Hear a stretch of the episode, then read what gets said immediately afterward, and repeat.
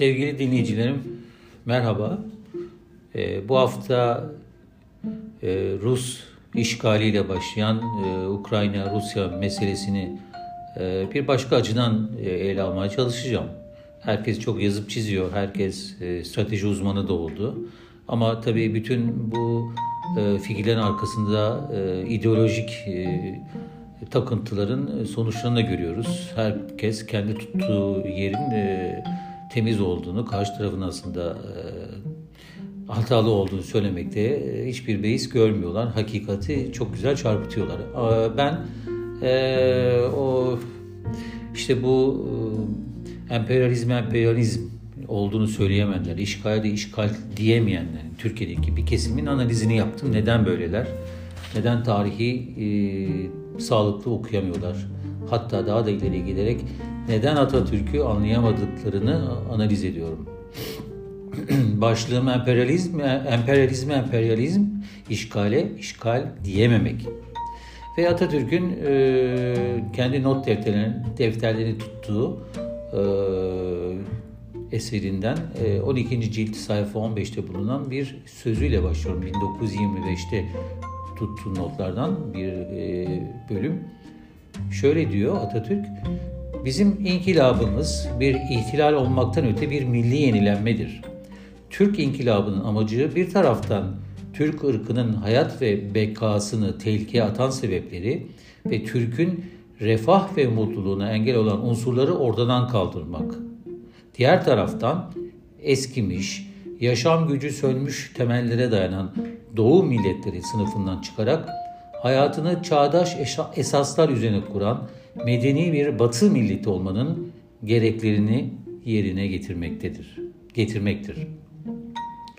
Mustafa Kemal'in e, yeni Türkiye Devleti'nin istikametini gösteren bu çok önemli sözleri onun Batı uygarlığının temeli olan anlayışın Türkiye'nin ve toplumunun yaşamının her alanında rehber olmasını istemesini simgeliyordu herhalde. Lakin bu anlayış körü körüne bir batıcılık, batı taklitçiliği değil, batıyı batı yapan uygarlık kodlarını Türk vatandaşın hayatına sokmak hedefiydi. O bir yandan bu kodları içselleştirmeyi hedeflerken bir yandan kurduğu devletin dayanağı olan Türk kültüründen bu çağdaşlığın ışığıyla temelleri sağlam bir milli kültür yaratmayı hedeflemişti.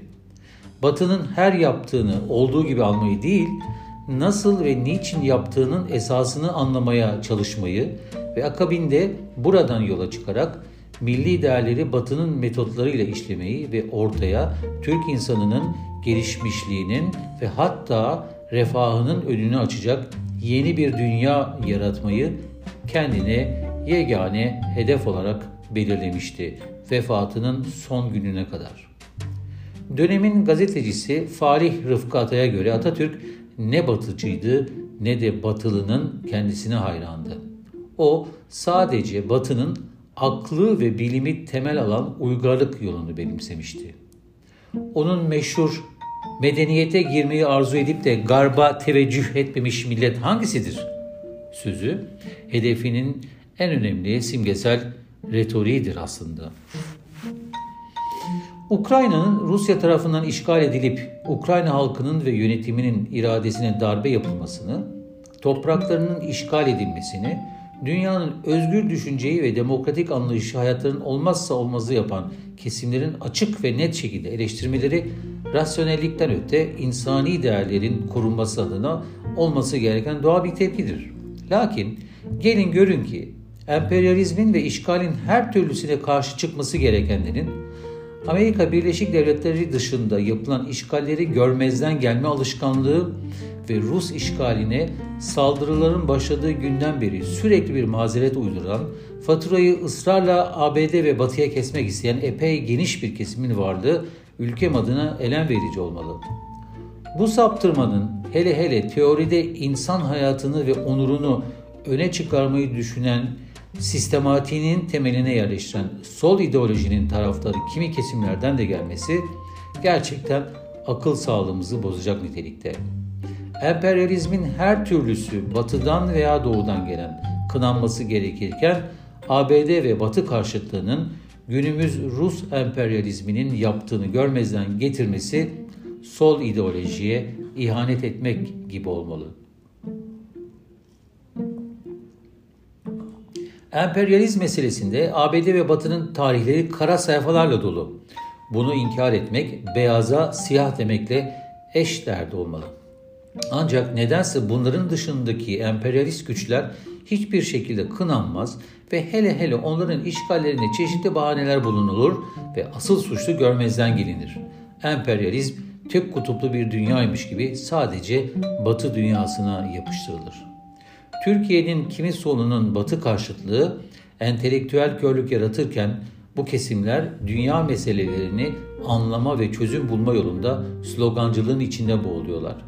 Onlara göre bu dünyada kim ABD ve Batı'nın karşısında ise onlar hep haklıdır ve kınanamaz. Üstelik aynı olay üzerinden bile Batı pekala şeytanlaştırılır.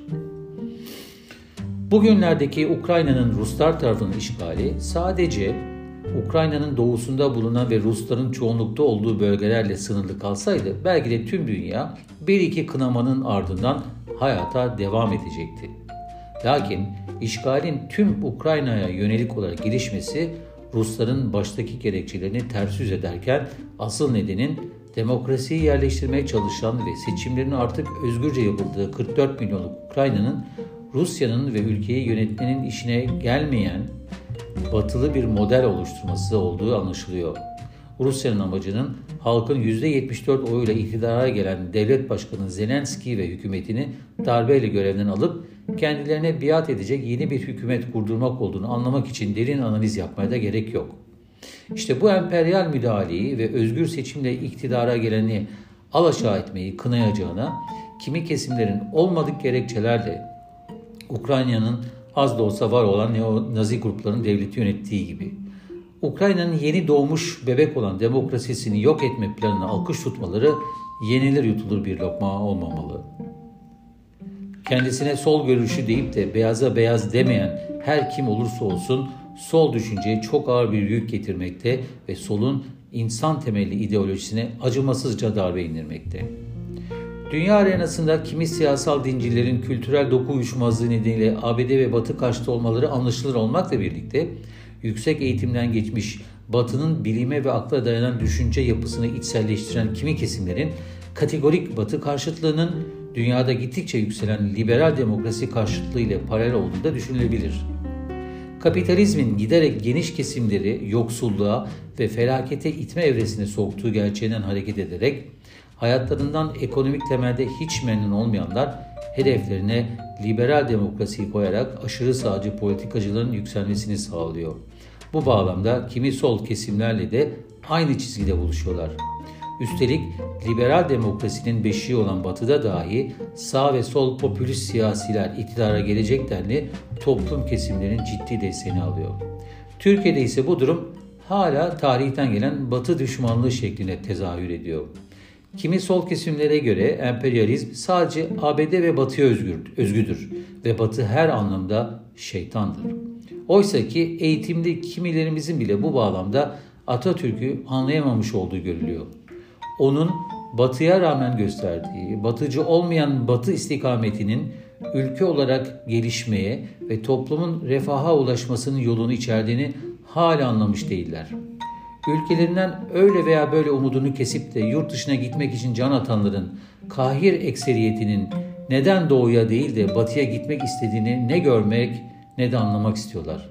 Ona da kulp takıp batının kültürel emperyalizmine bağlıyorlardır muhtemelen. Gençlerin tercihinin nedeni özgür dünyanın ve ilerlemenin anahtarının her şeye rağmen batıda olmasından mı kaynaklanıyor acaba?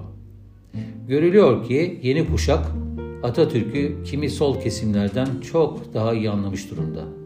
Şartsız, biatsız, emperyalizme emperyalizm, işgale işgal diyen gençler ne iyi ki daha fazla hala.